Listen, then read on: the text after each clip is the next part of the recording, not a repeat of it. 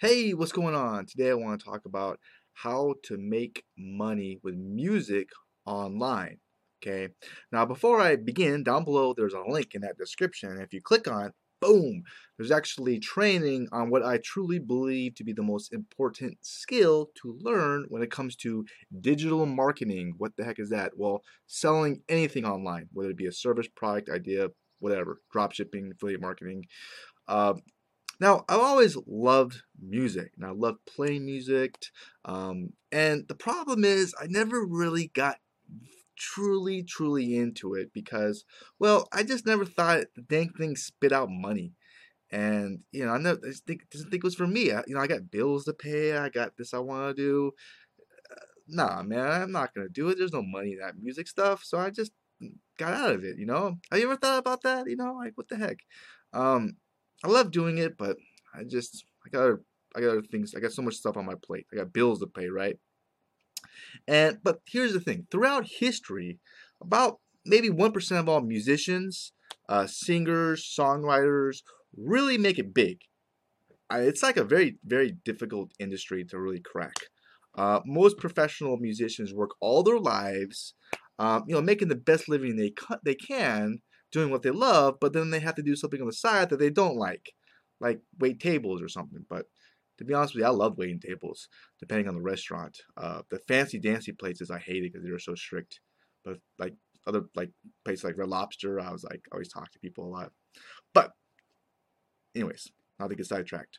Um, now the cool thing about the internet, which is amazing, it opens up so many doors and for for anyone who's an entrepreneur but specifically, if you're a musician, there's a lot of ways that you can actually uh, make money off of it. Believe it or not, the, the New York Times uh, wrote this article called the uh, uh, was it the Creative Apocalypse. You could Google it, you know, whenever you get a chance. But it basically says there's 46 ways a musician can make money um, to them. Okay, so there's a lot more avenues of making money. So you can, you know, make some cash.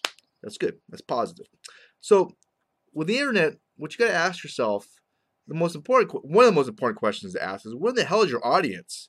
You know, if you're a jazz musician, then you're not going to be going on that that app called Musica. Have you heard of it? Um, because I haven't really been on it, but I heard about it and I, I want to play with it. But it's basically for like kids who do karaoke and shit. Um, but of course, if you're doing like gangster rap music, yo, then you know who knows? Maybe you want to try Musica. Uh, but of course, SoundCloud is really big for that too. But um, where to go is another topic. But you want to go where your target audience is, right? Um, now, another thing is you want to then go and communicate with them, okay? Um, and a great, great tip for musicians is to cultivate a community, all right? I'll give you an example, like Justin Bieber, right? I think he's like one of the most hated musicians. people, guys going like thumbs down him on one of his YouTube videos, but he actually calls his whole community fans believers, right? And then you got like Lady Gaga. Um, I'm pretty sure she calls her community the monsters. You know, basically. Um, so it's something like that, but you want to create like a, a cult-like movement, which makes sense because it's almost like music's like a drug, right? Now you're probably in the music, so you're probably thinking, well, it's a good drug. Yeah, yeah, it's a good drug, but there's a case to be made that it's kind of like a drug, right? Hits those emotions or whatever. Uh, now, most musicians think their art is the priority, but once you think about this, um, your audience really should be a priority. Um, I actually read a book about Jimi Hendrix, and he was like addicted to his guitar. Like during breaks, he'd be sitting there playing his guitar. He just all he did, he like lived with his guitar. And finally, he's like, "Wait a minute, Jimmy, you gotta go talk to your audience, man." and it helps. You know, it helps. You also have to talk to your audience too if you're a musician. Uh, show them that you care. You know, uh, start doing things for them, and you can use a lot of these platforms at your disposal to go, "Hey, knock on the door, let me in. I'm your best friend. Let me let me sing." And um, you know, live music streaming live streaming like Facebook Live and Periscope offers many doors. You could take requests, uh, and you could do things like uh, testing material. You could talk about the creation of a song uh, or piece of music. Do the behind the scenes thing, you know, like hey, this is how I set it up. This is how what goes in the music industry. Document your journey, man. And there's another way you can make money. There's so many avenues um, for that. So because here's the the, the main what all really comes down to if people like you and they love you, then it's much easier for them to buy your stuff, right? They got to buy into you first. Um, so you're I know what you might be thinking. You're like, well, well, the music industry, how the hell you make money off that damn shit with like these live streaming platforms like Spotify, right? Because back in the days, you, you write this, you could just you know cut a record deal and boom, you got these royalties, you're making all this money, right? And nowadays, you don't make as much money on these record deals. Um, that's the truth. Uh, they're down. But there's good news. Uh, live music is up. And back to the article which I was talking about, the uh, creative apocalypse. In 1982, the musical 1% took in only 26% um, of the total revenues generated by live music, like a quarter, right, in the 1980s. But in 2003, they jumped up and they captured 56% of the market. They made a lot more money on live events. And with the top 5% of musicians capturing almost 90% of all the revenue from live live venues. So it, I mean that's that's the thing with live music. It's the live event is pretty much everything, I think. A lot more than just streaming it. So there's a lot of money to be made in that.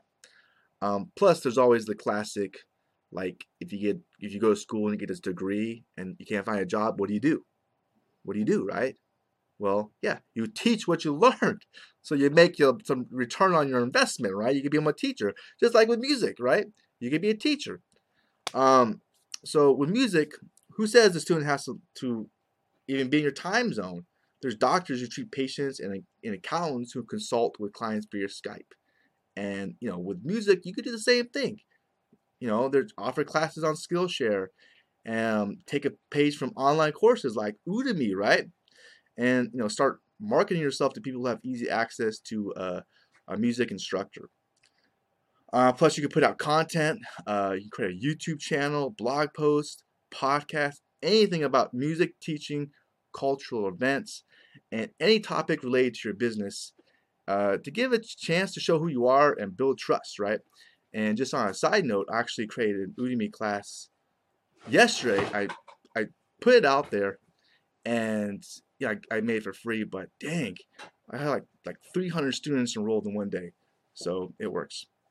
Uh, plus, there's Twitter search, and you can engage with people who love music and who have kids who love music and might be interested in music classes or events to connect with others. Um, so there's a lot of opportunities for that way. Now, does, it, does this sound like a lot of work? Well, it is.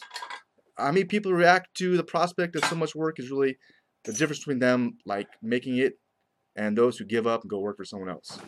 So if you love the work, if the idea of putting yourself out there um, and sharing what you love with art and reaching more and more students get you excited, then yeah, there's no reason why you can't make it work for you. But if you're overwhelmed by it all and just can't imagine giving it up and giving up TV or you know, playing World of Warcraft, then, you know, it's just, maybe it's not cut out for you. And that's the truth. So your talent is what it is, but at the level, you know, at which you increase your income and brand is limited only by your scope of your ambition and willingness to hustle. That's really comes down to. And if you love what you do, then it's not going to be work. You're going to love it. So I hope you enjoyed this video. Uh, if you did, hit the thumbs up button. Uh, you can also share it too. Um, if you're interested in um, the digital marketing, um, you know, selling any type of product or service online, I highly encourage you to click that link below because it's the number one skill to learn. Um, it's very important. I wish I would learn it a long time ago. So I wish you the best. Uh, have a very awesome rest of your day, and bye for now.